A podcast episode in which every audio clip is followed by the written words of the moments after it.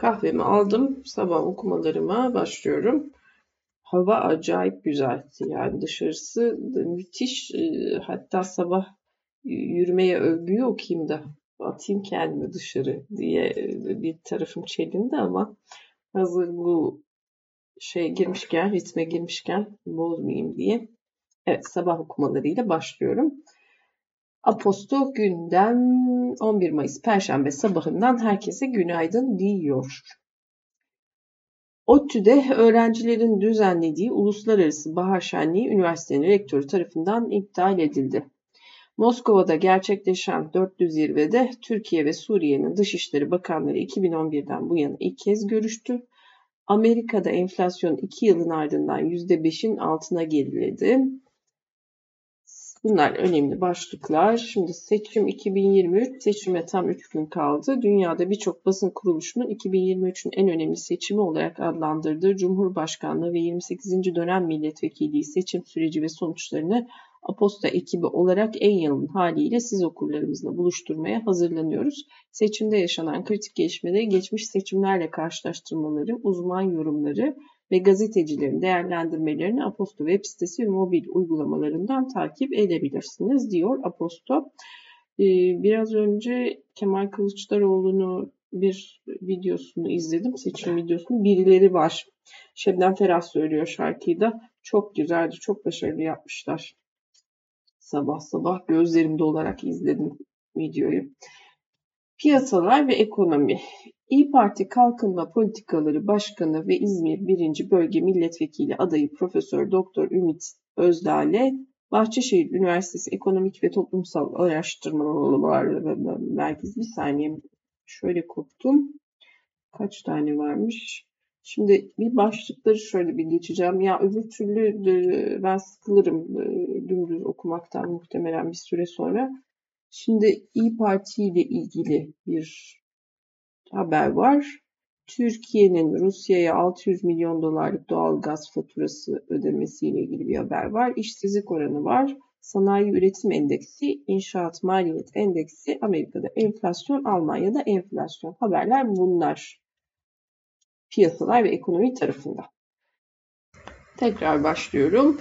İyi Parti Kalkınma Politikaları Başkanı ve İzmir 1. Bölge Milletvekili adayı Profesör Doktor Ümit Özlale Bahçeşehir Üniversitesi Ekonomik ve Toplumsal Araştırmalar Merkezi BETAM'mış kısaltılması. Kısa, kısaltması BETAM verilerine göre kiralık ilan fiyatlarının metrekare başına ülke genelinde yıllık %157 arttığını ve bu artışın 2 yılda ise %474'ü bulduğunu vurgulamış. İyi Parti ile ilgili değil haber tamamen e, kira artışı ile ilgili. Dahası Sözcü'de yer alan habere göre Özlale resmi enflasyon %50-60 seviyesindeyken kira artışlarına getirilen %25 sınırlaması sonucu kira sözleşmelerinin kayıt dışına geçtiğini, kiraların artmasını bekleyen ve sınıra takılmak istemeyen mülk sahiplerinin evlerini kiralamaması dolayısıyla İstanbul'daki boş ev sayısının 400 bini aştığını ifade etmiş. İzmir milletvekili adayı aslında İyi Parti kalkınma politikaları'nın vurgulaması. Hani Bahçeşehir Üniversitesi betanın başından falan diye baktım da değil. Değişik sunulmuş bu birazcık. Türkiye'nin Rusya'ya 600 milyon dolarlık doğal gaz faturası ödemesini 2024 yılına ertelediği öne sürüldü. Reuters'in haberine göre iki ülke arasında yapılan anlaşma ile enerji fiyatlarının seyrine göre Türkiye enerji faturasını 4 milyar dolara kadar gelecek yıla erteleyebilecek. Bir adım geriden Enerji Bakanı Fatih Dönmez geçtiğimiz hafta yaptığı açıklamada Türkiye ile Rusya'nın enerji ödemeleri konusunda belirli bir miktara kadar erteleme yapılması konusunda mutabık kaldıklarını belirtmiş ancak ayrıntı vermemişti. İşsizlik oranı Mart ayında %10 seviyesinde yatay seyrederken işsiz sayısı Mart ayında geçtiğimiz aya göre 4000 kişi artmış ve 3 milyon 508 bine ulaşmış. TÜİK verilerine göre 15-24 yaş grubunu kapsayan genç nüfusta işsizlik oranı 0.7 puan artarak %20'ye yükselmiş. İstihdam oranı ise %48 seviyesine kalarak değişim göstermemiş. Öte yandan Diskart tarafından TÜİK'in atıl iş gücü verilerinden yararlanarak hesapladığı geniş tanımlı işsizlik oranı Mart ayında %22 olmuş neredeyse. Diskal resmi işsizlerin sadece %12.4'ünün işsizlik ödeneği alabildiğini belirtmiş. Sonraki haber sanayi üretim endeksi Mart'ta bir önceki aya göre %5,5 artış göstermiş. Kahramanmaraş merkezli depremlerin yaşandığı Şubat ayı içinse %6 olarak açıklanan aylık düşüş %5.9'a revize edilmiş. İnşaat maliyet endeksi 2023 yıl Mart ayında bir önceki aya göre %2.16, bir önceki yılın aynı ayına göre %60 artmış. Amerika'da enflasyon dünün önemli haberiydi bu takip edilen. Nisan ayında 0.1 puan gerileyerek piyasa beklentilerine paralel şekilde %4.9 olarak gerçekleşti ve 2 yılın ardından ilk kez %5'in altına indi. Tüketici fiyatları bir önceki aya göre ise %0.4 arttı. Gıda ve enerji fiyatlarını içermeyen çekirdek enflasyon göstergesi Nisan'da aylık olarak %0.4, yıllık olarak %5.5 artmış. Almanya'da enflasyon ne olmuş? Nisan'da bir önceki aydan 0.2 puan gerileyerek %7.6 olmuş. Destas, Destatis yani Federal İstatistik Ofisi Almanya'nın açıkladığı verilere göre daha önce açıklanan öncü verileri teyit etmiş ve beklentilere paralel yönde gerçekleşmiş. AB uyumlu tüketici enflasyonu aylık bazda ise yine öncü verileri teyit edip %0.6 olarak açıklanmış Almanya'da. İş dünyası ve teknoloji tarafında ne olmuş ne bitmiş? Aa, iş dünyası teknoloji beraber bu sefer. Evet. Sonra da seçim 2023 var. Peki. Şimdi iş dünyası ve teknoloji bazen değişiyor. Dün teknolojiyle başka bir şey bir aradaydı sanki.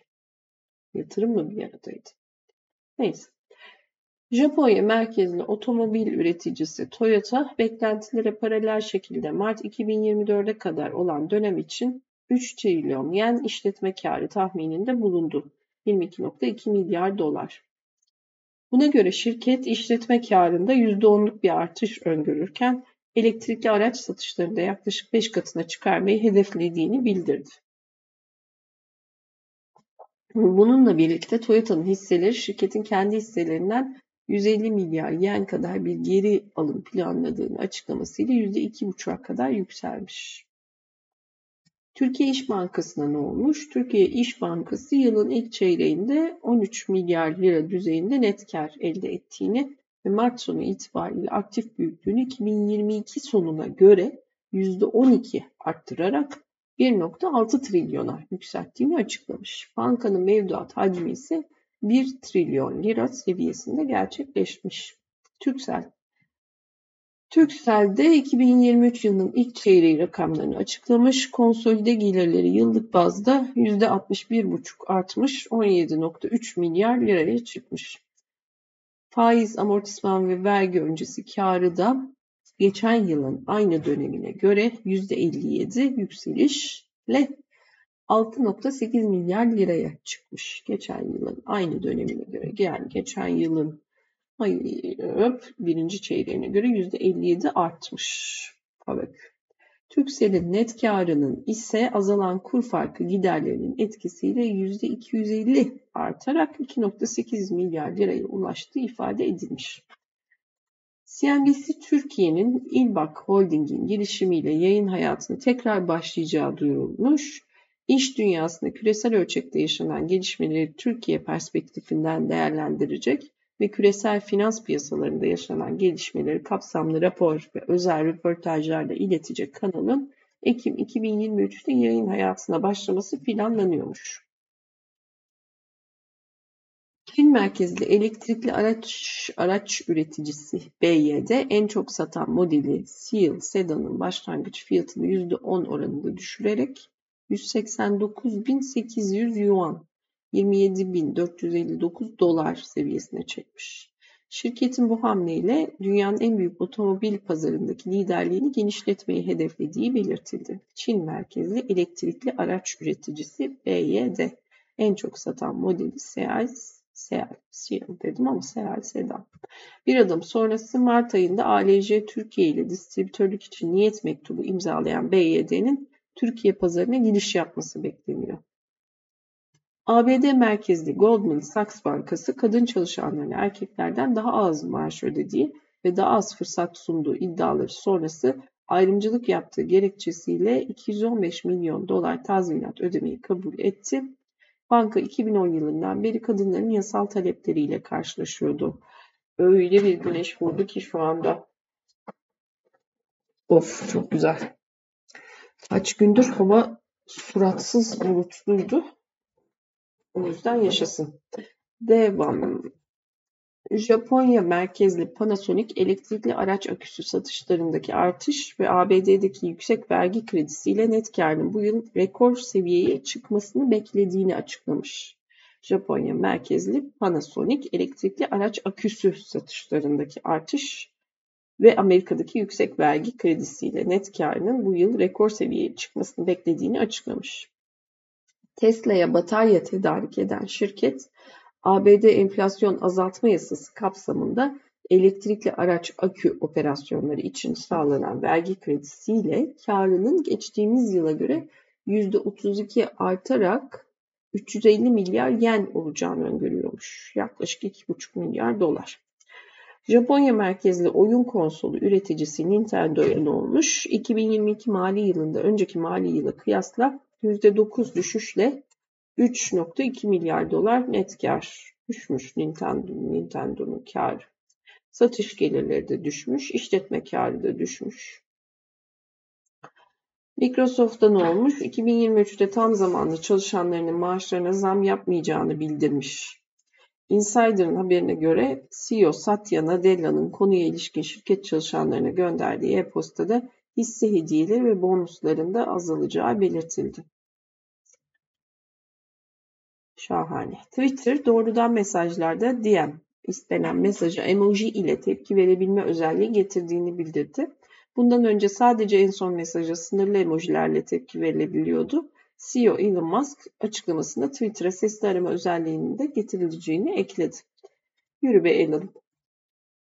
Seçim 2023. YSK 14 Mayıs seçimleri için yurt dışında toplam 1 milyon 817 bin 10 seçmenin oy kullandığını açıklamış. Bu sayı daha önce yurt dışı temsilciliklerde oy kullanılan 5 seçimde geçmiş. Artık oy kullanmayan kalmasın. Zahmet değil mi? YSK İçişleri Bakanlığı'nın Gamer bünyesinde oluşturulacak seçim modülü için sandık bilgileri ve seçmen sayılarının iletilmesine yönelik talebini reddetmiş. Evet, Gamer Trafiği İçişleri Başkanlığı bir adım geriden evet CHP Genel Başkan Yardımcısı Muharrem Erkek daha önce İçişleri Bakanlığı'nın YSK'ya paralel bir seçim merkezi kurmaya çalıştığını iddia etmiş. Bakanlık YSK'dan seçmen sayısı sandık bilgileri gibi bilgiler talep etmiş. YSK bu talebi reddetmişti. Evet. AK Parti Merkez Karar Yönetim Kurulu üyesi Emre Cemil Ayvalı siz isteyin biz döneriz kampanyası başlatan gençler için Batı'nın ezik köleleri ifadesini kullanmış. Ne olmuş? Millet İttifakı'nın Cumhurbaşkanı adayı Kemal Kılıçdaroğlu geçtiğimiz gün yurt dışında yaşayan gençlere geri dönün çağrısında bulunmuş. Çağrının ardından Boğaziçi Üniversitesi mezunu bir grup siz isteyin biz döneriz başlıklı bir video yayınlamıştı. Kılıçdaroğlu videoyu gelin evlatlarım dönün gençler bu ülkenin size ihtiyacı var sizin hayalleriniz benim hedefimdir ifadeleriyle cevaplamıştı. Öbürü de ne diyor? Batı'nın ezik köleleri. Herkes kendine yakışanı yapıyor. İstanbul Büyükşehir Belediye Başkanı Ekrem İmamoğlu'nun Erzurum'daki mitingine düzenlenen taşlı saldırıya ilişkin gözaltına alınan 9 şüpheliden 8'i adli kontrol şartıyla serbest bırakıldı. Biri ise savcılıktaki ifadesinin ardından salı, salı verildi. Daha önce gözaltına alınan 15 kişi de serbest bırakılmıştı. 24 kişiyi gözaltına aldılar ve peyderpey hepsini serbest bıraktılar. Öte yandan Kemal Kılıçdaroğlu saldırıları, saldırılara ilişkin biz asıl faillerin yakalanmasını istiyoruz. Onları alana süren, çocuklara taş attıran failleri istiyoruz açıklamasında bulundu. Kılıçdaroğlu hiç kimse şah değil, hiç kimse padişah değil, hepimiz halkız, halk dedi ve sandığa gitme çağrısı yaptı. Millet İttifakı'nın Cumhurbaşkanı adayı Kemal Kılıçdaroğlu katıldığı canlı yayında vatandaşları seçim gecesi için sokağa çıkmama çağrısı hakkında bir çatışma ortamı yaratmak isteyebilirler yorumunda bulundu. Kılıçdaroğlu iktidarın seçim sonuçlarını kabul etmeme ihtimali sorusuna ise yönetimi vermemezlik edemez, tıpış tıpış verecektir yanıtını vermiş. Bununla birlikte Kılıçdaroğlu Cumhurbaşkanlığı seçimindeki rakibi ve Memleket Partisi lideri Muharrem İnce'ye gelmek istiyorsa otursun soframıza bu pislikleri birlikte temizleyelim siyasetin içinden ifadeleriyle seslenmiş. Evet, önümüzdeki pazar günü ve önümüzdeki hafta bayağı e, zorlu olacak, endişeli bir bekleyiş var herkeste. İyi Parti lideri Meral Akşener Çanakkale'deki konuşmasında 12. Cumhurbaşkanı Erdoğan'ın mitinginde açılan karı gibi değil arı gibi lider istiyoruz yazılı pankarta ilişkin saygısızlar sizi doğuran kim saygısız ahlaksız herifler o pankartı indirten olmadı orada yorumunu yapmış. Akşener eline süpürge alarak bu seçimde özellikle kadınlara sesleniyorum. Bu seçimde bunları süpürgenin ucuyla süpüreceğiz. Görün bakın. Bak sapını söylemiyorum ha sapıyla başka bir şey dedi. Oh şahane. Şahane seviyeli söylemler izliyoruz her zamanki gibi. Devam. HDP Danışma Kurulu üyesi Ahmet Türk, AK Parti'nin İmralı'ya terör örgütü PKK'nın lideri Abdullah Öcalan ile görüşmek üzere heyet gönderdiğini iddia etti.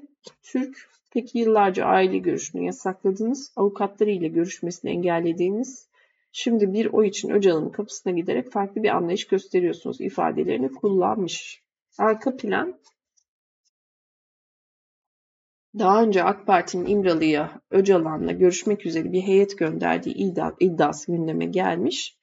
Eski HDP eş genel başkanı Selahattin Demirtaş iddiayı doğrulamış. İyi Parti lideri Akşener'de gönderilen kişilerden birinin yargı mensubu olduğunu bildiğini söylemişti. Ardından Adalet Bakanı Bekir Bozdağ başta olmak üzere hükümetten ve AK Parti'den birçok isim iddiayı reddetmişti. Bununla birlikte konuya ilişkin açıklama yapan HDP eş Genel Başkanı Mithat Sancar ise bu konuda bize gelmiş bir bilgi yok demiş. Son haberi buranın AK Parti Genel Başkan Vekili Binali Yıldırım, Hüdapar'la seçim ittifakına gelen eleştirilere bir kere Hüdapar hangi terör faaliyetini yapmış, kimi öldürmüş, Hizbullah'la alakamız yok diye açıkladılar. Biz niyet okuyuculuğu mu yapıyoruz? Genel başkanı çıktı dedi ki bizim Hizbullah'la alakamız yok. Bitti. Biz söylenene itibar ederiz. Ne zamana kadar? Adil ispatlanıncaya kadar teröre bulaşmış bir yapıları yok diye cevap vermiş. Yorum yok. Bugünkü destekçi yatsanmış. Politika ve Türkiye kısmıyla devam. YÖK depremden etkilenen illerde yaşayan adaylara kendi illerindeki üniversitelere yerleşirken genel kontenjanda herhangi bir eksiltmeye gitmeden %25 ek kontenjan ayrılmasını kararlaştırmış. Wall Street Journal'a konuşan Millet İttifakı'nın Cumhurbaşkanı adayı Kılıçdaroğlu, seçimi kazanması halinde Batı'nın Rusya'ya yönelik alacağı yaptırım kararlarına uyacağını belirterek Türkiye, Batı İttifakı ve NATO'nun bir üyesidir. Putin de bunu iyi bilir. Türkiye, NATO'nun aldığı kararlara uymakla yükümlüdür, dedi. Öte yandan Kılıçdaroğlu seçime ilişkin eğer Erdoğan kazanırsa Türkiye bir tür diktatörlüğe dönüşecek yorumunu yaparken bu seçimde ilk kez sandığa gidecek 5.3 milyon genç seçmen var. Onlar özgürlük ve demokrasi istiyor ifadelerini kullandı. ODTÜ her yıl öğrenciler tarafından düzenlenen ve bu yıl 35.si yapılacak olan Uluslararası Bahar Şenliği Rektör Verşan Gökkök tarafından iptal edildi. ODTÜ cümleyi yanlış okudum. Çünkü Orta Doğu Teknik Üniversitesi'nde her yıl öğrenciler tarafından düzenlenen ve bu yıl 35.si yapılacak olan Uluslararası Bahar Şenliği Rektör Berşan Kök tarafından iptal edildi. Öğrenciler kararın ardından protesto düzenledi. Neden? Diken'in haberine göre okul yönetimi 6 Şubat'ta meydana gelen Kahramanmaraş merkezli deprem, depremler dolayısıyla şenliğin iptal edildiğini bildirmiş. Öğrenciler ise depremin yaşattığı acıların farkında olduklarını, bu nedenle deprem bölgesindeki esnafın ve bağış toplayabilecek kurumların şenlikte yer alması gibi planlarının olduğunu belirtmiş. Anayasa Mahkemesi 5 yıldan az kıdemi olan gazetecilere kıdem tazminatı ödenmeyeceğini ve 6 aydan az çalışma sürelerinin kıdem tazminatı hesabında dikkate alınmayacağını öngören düzenlemeyi anayasanın eşitlik ilkesine aykırı bularak iptal etti. Ne olmuş? Hatırlama hemen Alican Uludağ'ın 24 saatteki haberine göre düzenleme gazeteci Nermin, Nermin Pınar Erdoğan'ın tazminatsız olarak işten atılmasıyla başlayan süreçte gündeme gelmiş. Şimdi sırada politika ve dünya tarafı var. Evet. Politika ve dünya tarafında neler olmuş? Türkiye, Rus, Suriye, Rusya ve İran Suriye rejimiyle ilişkileri normalleştirme yönünde atılan adımlar kapsamında Dışişleri Bakanları düzeyinde bir araya gelmiş. Suriye'deki iç savaşın başladığı 2011 yılından bu yana ilk kez Suriyeli mevkidaşı ile bir araya gelen Mevlüt Çavuşoğlu dörtlü toplantı öncesi Rusya Dışişleri Bakanı Sergey Lavrov'la görüşmüş. Sonraki haber İtalya'da sağ popülist hükümetinin vaatlerinden biri olan parlamenter sistemden başkanlık sistemine geçiş projesi parlamentoda görüşülmeye başlarken proje muhalefetten toplu itiraz almış. Merkez Sol Demokrat Parti'nin lideri Eli yetkileri artırılmış ve halk tarafından doğrudan seçilen bir cumhurbaşkanı projesine katılmadıklarını tek adam ya da kadın yönetimine hayır ifadeleriyle belirtmiş. Pakistan'da ne olmuş? Pakistan'ın eski başbakanı İmran Han tutuklanmasının ardından yargıç karşısına çıktı. Dün tutuklanmıştı galiba. Mahkeme Han'ın 8 gün daha gözaltında tutulmasına karar verdi.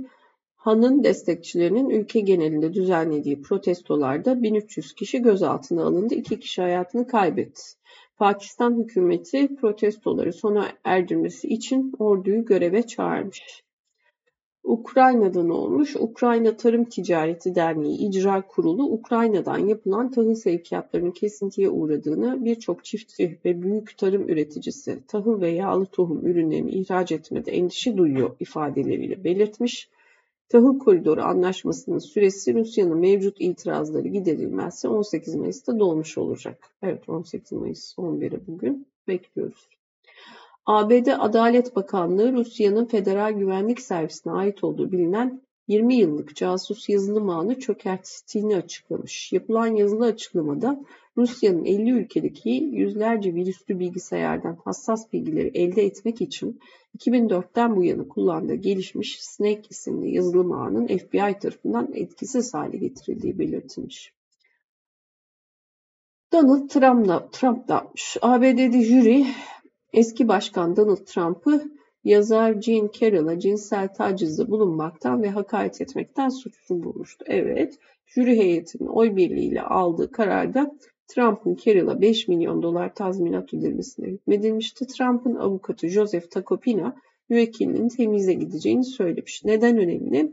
Trump şu ana kadar en az 20, 26 kadın tarafından cinsel suistimal ya da tacizle suçlanmış olsa da ilk kez bu davayla birlikte yasal olarak cinsel saldırı ve hakaretten suçlu bulunmuş oldu. Evet, günün hikayesi İrem Denli'nin yazısı Geri sayım sosyal medyanın seçimler üzerindeki gücü. Türkiye oldukça kritik bir seçime giderken sosyal medya şirketleri seçime yönelik olarak aldıkları önlemleri açıkladı. Evet dün öyle bir haber vardı bu arada. Twitter'ı kapatma planları seçim gününde diye bir başlık gördüm. Bakalım neymiş alınan önlemler. Bu kapsamda WhatsApp, Instagram ve Facebook bünyesinde bulunduran Meta, 14 Mayıs seçimleri özelinde seçim güvenliğini sağlamak amacıyla Türkiye'de Seçim Operasyonları Merkezi isimli bir merkez kurduğunu açıkladı. Meta, merkezin amacının seçimlerin güvenli ve emniyetli bir şekilde yapılmasına yardımcı olmak için uygulamalarında asılsız bilgilerin yayılmasını azaltmak, zararlı içerikleri kaldırmak potansiyel tehditleri gerçek zamanlı olarak belirlemek ve daha hızlı müdahalede bulunmak olduğunu ifade etti. Kapatılmasına yönelik bir şeyiniz var mı acaba? Önleminiz. Öte yandan TikTok'ta seçim öncesinde seçime yönelik dezenformasyonun ve yanlış bilginin yayılmasını engellemek için aldığı önlemleri duyurdu.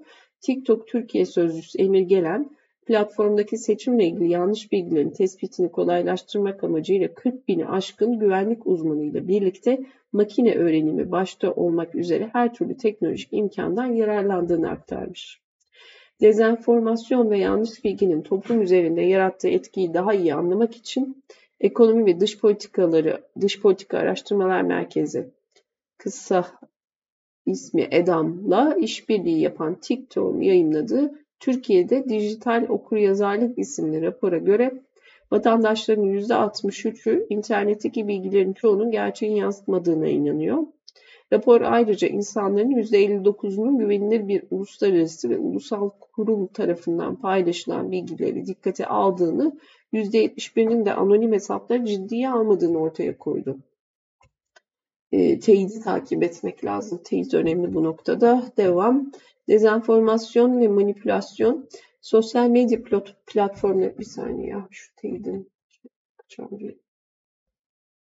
bunun sonrasında teyitte bir yazı var. Onu da ekleyeceğim arkasına. Şimdi sosyal medya platformlarını yöneten şirketlerin davranışlarınız, ilgi alanlarınız, aileniz ve arkadaşlarınız hakkında veri toplayabilmesi hatta bu verileri daha detaylı biçimde analiz edebilecek başka şirketlere satması da mümkün. Kurduğunuz bağlantıları ve yaptığınız yorumlar ile paylaşımlarınızı kaydeden sosyal medya platformları oy verme olasılığınız, ne yönde oy kullanacağınız ve ne tür reklam ya da haberlerin fikrinizi değiştirmede etkili olabileceğine yönelik oldukça tutarlı çıkarımlarda bulunabilecek veri setlerini de oluşturuyor. Dünyanın en büyük skandallarından biri olarak tarihe geçen Cambridge Analytica olayında tüketici, takipçi, seçmen davranışlarını değiştirmek isteyen iş dünyası ve siyasi partilere hizmet sunan bir veri analiz şirketi olarak tanımlanan Cambridge Analytica'nın 2016 ABD başkanlık seçiminde Birleşik Krallığın 2016 yılında Avrupa Birliği'nden ayrılması için gerçekleşen Brexit referandumunda ve daha pek çok farklı ülkenin seçim süreçlerinde seçimin sonucunu değiştirecek düzeyde aktif rol oynadığı ortaya çıkmıştı.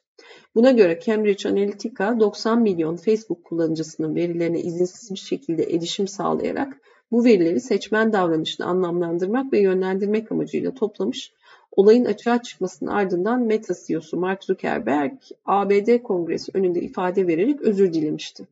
Meta, Facebook kullanıcı verilerinin uygunsuz bir şekilde Cambridge Analytica ile paylaşmasının bedelini 5 milyar dolarlık bir ceza ile ödemişti.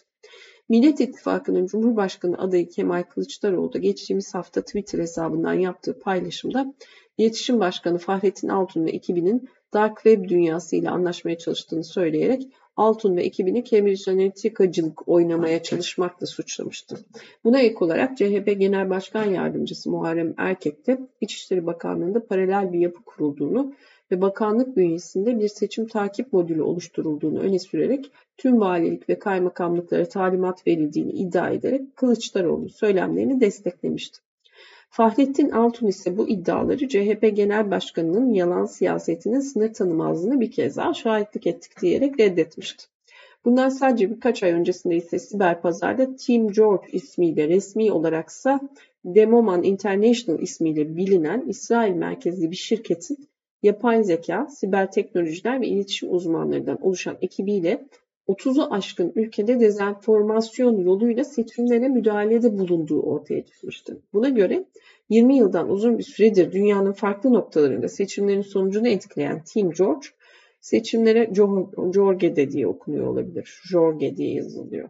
Seçimlere herhangi bir iz bırakmadan gizlice müdahale etme sözüyle müşterilerine yalan haberlerin yayılmasını sağlamaktan Twitter, LinkedIn, Facebook, Telegram, Gmail, Instagram ve YouTube'da binlerce sahte sosyal medya profilinden oluşan geniş bir orduyu kontrol eden Ames isimli bir yazılım paketine kadar oldukça geniş çaplı bir hizmet sunmuştu. Demoman, Demoman International adı şirketin. İki sansür boyutu, iktidara yakınlığıyla bilinen Yeni Şafak gazetesinden Bülent Orakoğlu'nun dün yayınlanan yazısında Pentagon'un kontrolünde olduğunu söylediği Twitter'ın Büyük İstanbul mitingine yönelik alçakça ve kalleşçe organize bir saldırı düzenlediğini öne sürdü.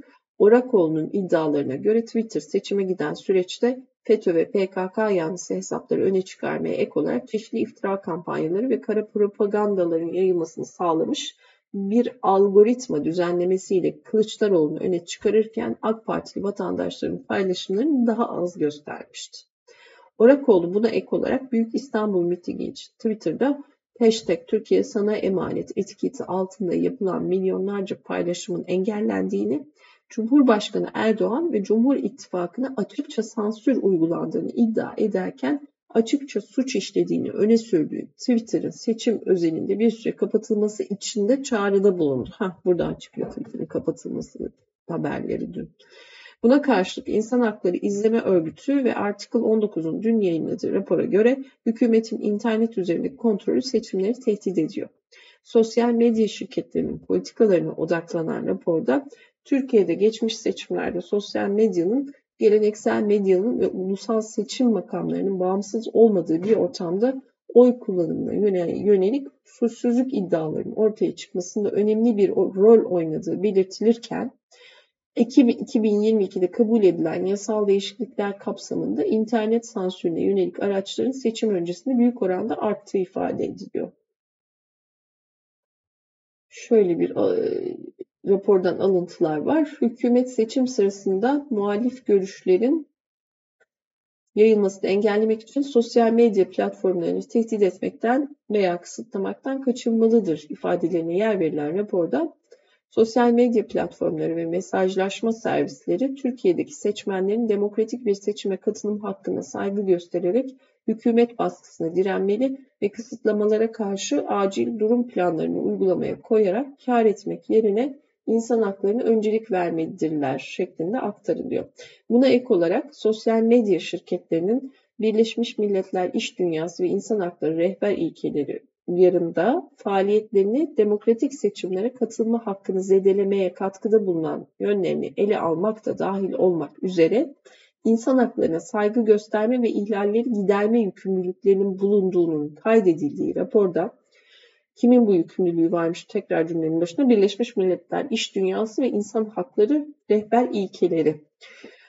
Meta ve TikTok haricinde hiçbir sosyal medya platformunun 14 Mayıs seçimlerine yönelik yaklaşımlarını açıklamadığı, Twitter ve YouTube'un seçimler için genel politikalarının olmadığı ve Telegram'ın da dezenformasyon ya da seçimle ilgili bir politikasının bulunmadığı belirtiliyor.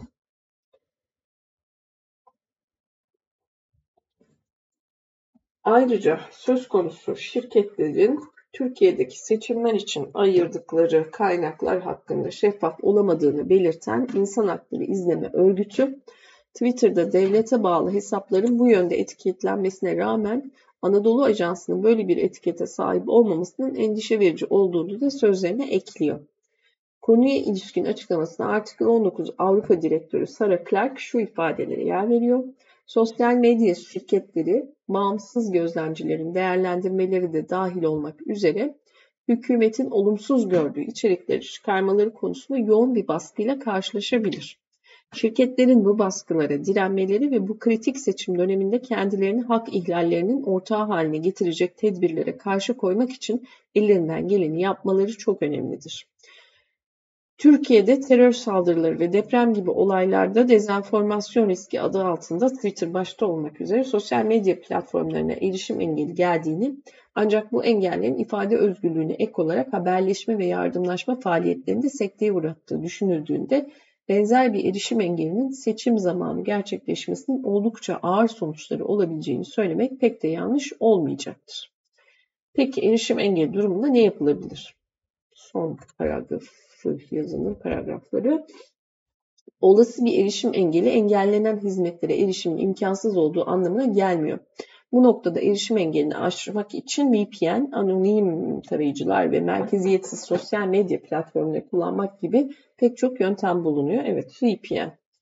Mesela Twitter ve YouTube gibi popüler servislere erişimin engellenmesi halinde RiseUp, Get, Get Outline ve Get Lantern gibi VPN hizmetleri veya site içeriklerini merkeziyetsiz biçimde dağıtan bir mobil tarayıcısı olan CENO censorship.no anonim iletişim imkanı sağlayan Tor ya da internet sansürünü önlemeyi amaçlayan bir araç olarak Psifon ile erişim kısıtlanan servislere tekrar bağlanabilirsiniz. Şimdi bunları bu paragraf önemli.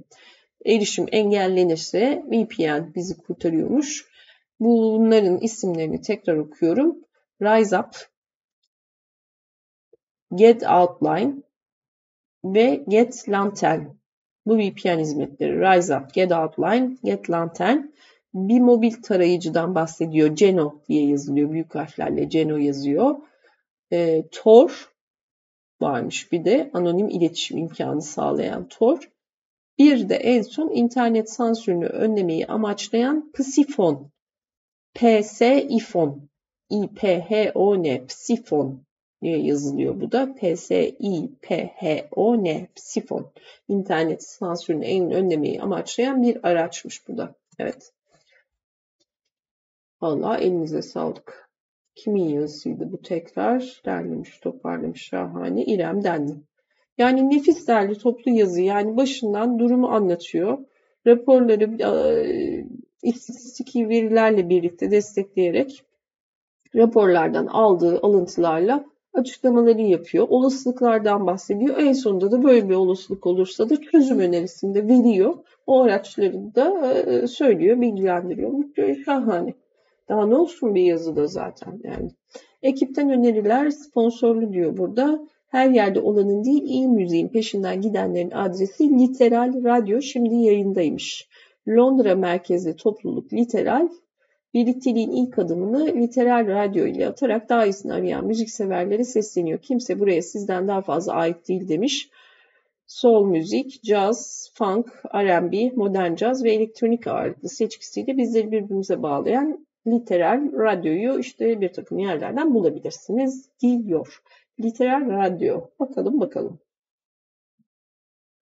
Bunu bugün bakacaklarımın arasına ben bir küçük not edeyim kalemimi bulabilirsem. Evet. Art TV'ye de daha bakmadım. Geçen hafta Milliyet Sanat'ta okudum. Şimdi neler var? Önümde bakacaklarım. Designer'a baktım. Canva'ya. Canva ile Designer'a biraz baktım ama çok spesifik bir şey hazırlamak lazım oralarda. Şimdi şunu sonuna ekleyelim. Neye bakacağız? Literal radyo. Artı Art TV'ye ben kendim şahsen bir bakacağım ne yapıyorlar diye. Artı teknoloji yapay zeka haberleri için hala kaynakları aramaya devam ediyorum. Şimdi bu tamam. O zaman devamında egzante var ama egzantede Şöyle bir genel başlık hızlıca. Amerika'daki enflasyon evet. Yurt içi veri akışında sanayi üretimi ve istihdam verileri. Evet, Exante'den devam. ECB cephesinden karışık açıklamalar yazısı önce. Avrupa Merkez Bankası ECB Başkanı Christine Lagarde bir gazeteye verdiği demeçte şunları demiş.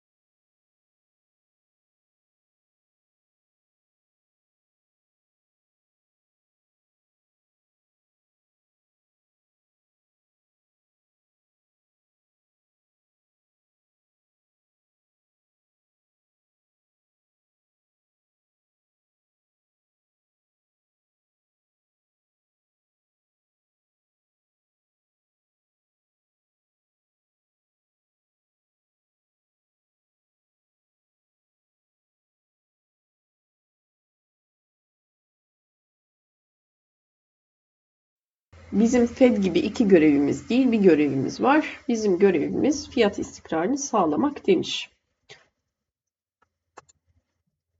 2023 için temel projeksiyonlarında ise bir resesyon olduğunu da ifade etmiş.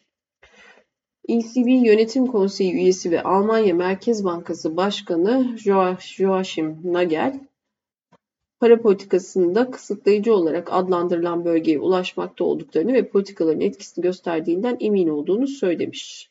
ECB'nin şahin üyelerinden biri yönetim konseyi üyesi Isabel Schnabel, bankanın çekirdek enflasyonunu sürdürülebilir bir düşüş trendine girdiğini görene kadar faiz oranlarını arttıracağını. Neymiş? Bankanın çekirdek enflasyonunu sürdürülebilir bir düşüş trendine girdiğini görene kadar faiz oranlarını arttıracağını, faiz indirim beklentilerinin ise yersiz olduğunu ifade etmiş.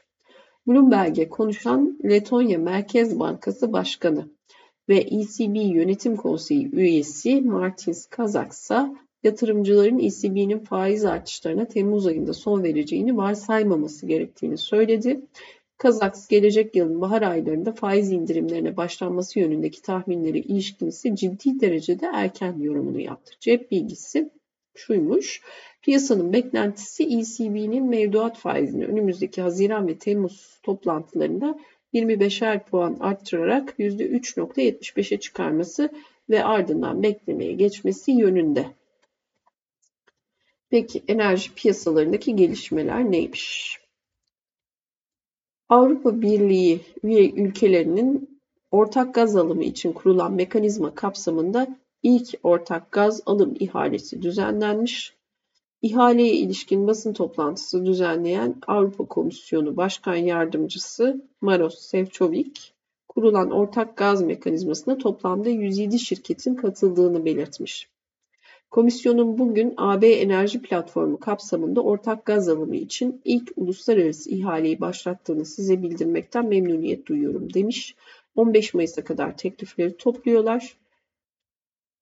Düzenlenen ilk ihalede şimdiye kadar Avrupa'dan 77 şirketin Mayıs 2024'e kadar olmak üzere toplamda 11.6 milyon metreküp doğalgaz alımı talebinde bulunduğu bildirilmiş. Söz konusu talebin 2.8 milyon metreküpünün ise LNG için olduğu belirtilmiş.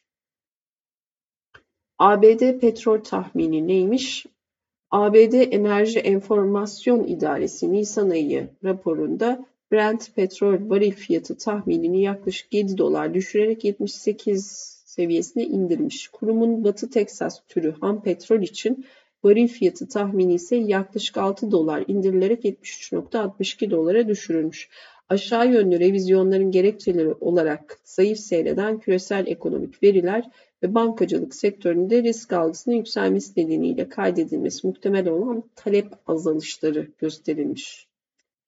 Raporda ayrıca Amerika'nın ham petrol üretiminin bu yıl günlük 12 milyon 530 bin varile yükselmesi, küresel petrol arzının ise günlük 101 milyon 340 bin varile çıkmasının beklendiği ifade edilmiş.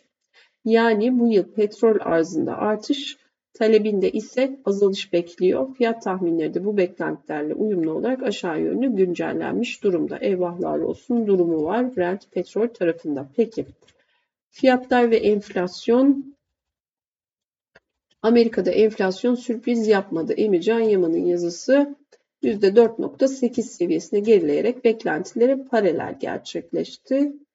Geçiyorum hızlıca burada veriler, veriler, veriler.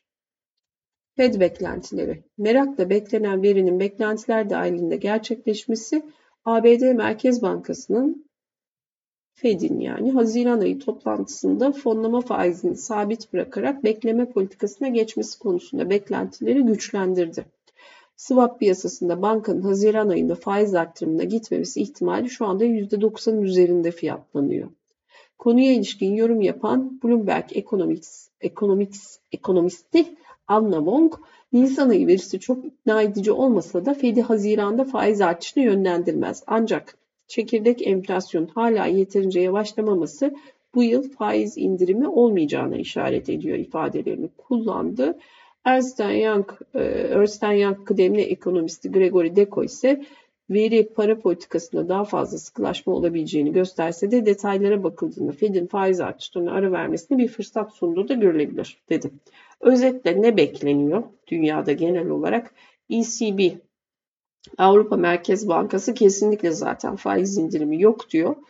E, faiz arttırımına devam edebiliriz diyor. Orada bir hani bekleyeceğiz, duracağız e, durumu yok. Faiz arttırımına devam gibi görünüyor. 25 bas puanlarla artış bekliyor bir piyasa değil mi? Öyle mi dedik? Evet. Ne dedik? 25'er puan Haziran ve Temmuz'da 25'er puan arttırarak %3.75'e çıkarması bekleniyor. Amerika tarafında bir durma bekleniyor. Arttırmaların durması. Haziran ayında faiz artırımına gitmemiz. Arttırmayı durdurup bir bakmak ne oluyor ne bitiyor. Ama indirim yok öbür tarafta da. Brent petrol tarafı vahim durumda çünkü e, önümüzdeki süreçte petrol arzında artış talebinde azalış bekliyor. Fiyatların düşürmüş o zaman işte beklenti hedef fiyatları tahminlerini, fiyat tahminlerini Brent petrol 78'lere düşmüş. Batı Teksas türü ham petrolde 73-62 dolarlara düşmüş. Özeti bu. Peki devam. Sanayi üretimi tarafı. Sanayi üretimi yıllık bazda daralmış. TÜİK verilerine göre daralmanın işte oranlar oranlar oranlar geçiyorum. Bir özet varsa onu okuyacağım. Yansımalar kısmı ve özet. Özetle ne var? Şu yansımalara da bir bakacağım. Yansımalarda Hazine ve Maliye Bakanı Nurettin Nebati verinin duyurulmasını takiben Twitter hesabından açıklamalarda bulunmuş. Aylık bazdaki %5,5'luk büyümeye işaret eden bakan deprem felaketinin etkisinin hızla toparlandığını söylemiş. Şunları demiş, bizler üreticimize ve işçimize destek verdiğimiz desteklerle sanayimizi dimdik ayakta tutmayı başardık. Elde edilen bu sonuç tüm zorlu koşullara rağmen ekonomi modelimizin, ekonomi yönetimi anlayışımızın başarısıdır. Dünyanın en gelişmişe geçiyorum bunları. Özetle endeksteki Mart ayı gelişmeleri trendde genel bir değişim olmadığını işaret ediyor. Endeksin genelindeki stabil trendin alt endekslerde de korunduğu görülüyor.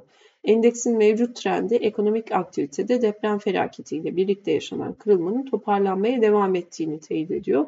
Sonuç olarak yaşadığımız felakete rağmen yıl sonu büyüme beklentilerinde önemli bir değişiklik yaşanması ana senaryo değil. Cep bilgisi 2023 yılının ilk çeyrek büyüme verisi 31 Mayıs tarihinde açıklanacakmış. Sonraki yazı istihdam, istihdam piyasası stabil başlığıyla. TÜİK Mart ayına ilişkin iş gücü istatistiklerini yayınladı. Bunu öbür tarafta evet okudum. Verinin detayları, oranları geçiyorum. Geçtim, geçtim, geçtim. Ayrışma, veri setinde cinsiyet, bazı tarihi ayrışma devam ediyor. Sonuç olarak istihdam piyasasının canlılığını koruduğu görülüyor. Aylık bazda zaman zaman aksi yönde gelişmeler yaşansa da ülkemiz ekonomisinde yıllık bazda iş gücü artışından daha fazla istihdam yaratılması eğilimi sürüyor. Öncü verilerde istihdam piyasasındaki dengeli seyrin süreceğini işaret ediyor. Öte yandan kamuoyunda emeklilikte yaşa takılanlar olarak bilinen insanın veri seti üzerindeki etkilerini de ilerleyen aylarda görmeye başlayacağız. Gündemden diğer başlıklar son bölüm. Gündemden diğer başlıklar neymiş? TÜİK İnşaat Maliyet Endeksinin Mart ayında aylık bazda %2 bunu okudum. Bloomberg HG'ye konuşan Rabobank kıdemli kur stratejisti Jane Foley, seçim sonrasına ilişkin piyasalar hiçbir zaman Erdoğan'ın ortodoks olmayan politikalarından memnun olmadılar gibi duruyor. Eğer Erdoğan bu seçimi kaybederse uluslararası yatırımcılardan ilgi artabilir. Türkiye için oyun değiştirici bir durum oluşabilir yorumunu yaptı. Yabancı yatırımcı gelebilir eğer Erdoğan giderse demiş. Türkiye'nin Rusya'ya 600 milyon dolarlık doğalgaz faturası ödemesini tamam bunu okudum. E, doğalgaz faturasını erteledi diye 2024'de. Devam. Resmi gazetede yayınlanan tebliğe göre idari para cezaları muhatap olan ekonomik durumunun müsait olmaması halinde 4 eşit taksitte bölünebilecek. Cezanın birinci taksidi normal ödeme süresi içinde geri kalan 3 taksit ise cezanın tebliğinden itibaren bir yıl içinde cezayı veren birim tarafından belirlenecek sürelerde ödenecekmiş. Exim Bank, e, kamuyu aydınlatma platformuna yaptığı açıklamada ihracatın finansmanı amacıyla kullanılmak üzere bir yıl vadeli sendikasyon kredisi temin ettiğini açıklamış. Sonraki haber Güney Afrika Dışişleri Bakanı Naledi Pandor, BRICS ülkelerinin ortak para birimi tartışmalarına ilişkin şunları söylemiş. BRICS ülkeleri niye biz kendi para birimimizle ticaret yapamıyoruz diye soruyor. Güney Afrika uluslararası ticarette kullanılan bir para birimine sahip ancak dolar borcumuz fazla Bu yüzden bu konuya sorumlu bir şekilde yaklaşmalıyız ifadelerini kullanmış. Hatırlatma dozu var altında. Rusya Dışişleri Bakanı Sergey Lavrov, BRICS, BRICS ülkelerinin 22 Ağustos'ta düzenlenecek toplantıda ortak para birimi konusunun tartışılacağını söylemişti. 22 Ağustos'taki toplantı. Peki. Exante biter. Şimdi hmm, piyasalar. Dün yine bir felaketti piyasalar. Şuradan. Evet, analitik görünüm ak yatırım ne diyor? BIST 100 dün gün içerisinde 4550 seviyesi üzerine hareketin ardından sınırlı geri çekilme yaşadı. Kapanış 4494 seviyesinde. Endekste her iki yöndeki sınırlı hareket sonrası yakın destek olarak değerlendirdiğimiz 4480 seviyesi ve son tepki hareketinin başladığı 200 günlük ortalama bölgesi üzerindeki hareket korunuyor. Bununla birlikte kısa periyot için geçiş bölgesi olabileceğini düşündüğümüz 4630-4720 bandı altındaki harekette geçerli. Bu bölgeye kadar oluşabilecek hareketleri sınırlı olan tepki çabası çerçevesinde değerlendirmeye devam ediyoruz. Bandın aşılabilmesi durumunda saatlik periyotta yine yeni bir iyimserlik gelişebileceğini belirtebiliriz. 4630-4720 bandının aşılmasından bahsediyor. Bu durumda 4778-4950 bandına yönelik yeni bir hareket mümkün olacaktır diyor. Sınırlı iyimserlik tarafında izleme hali. Peki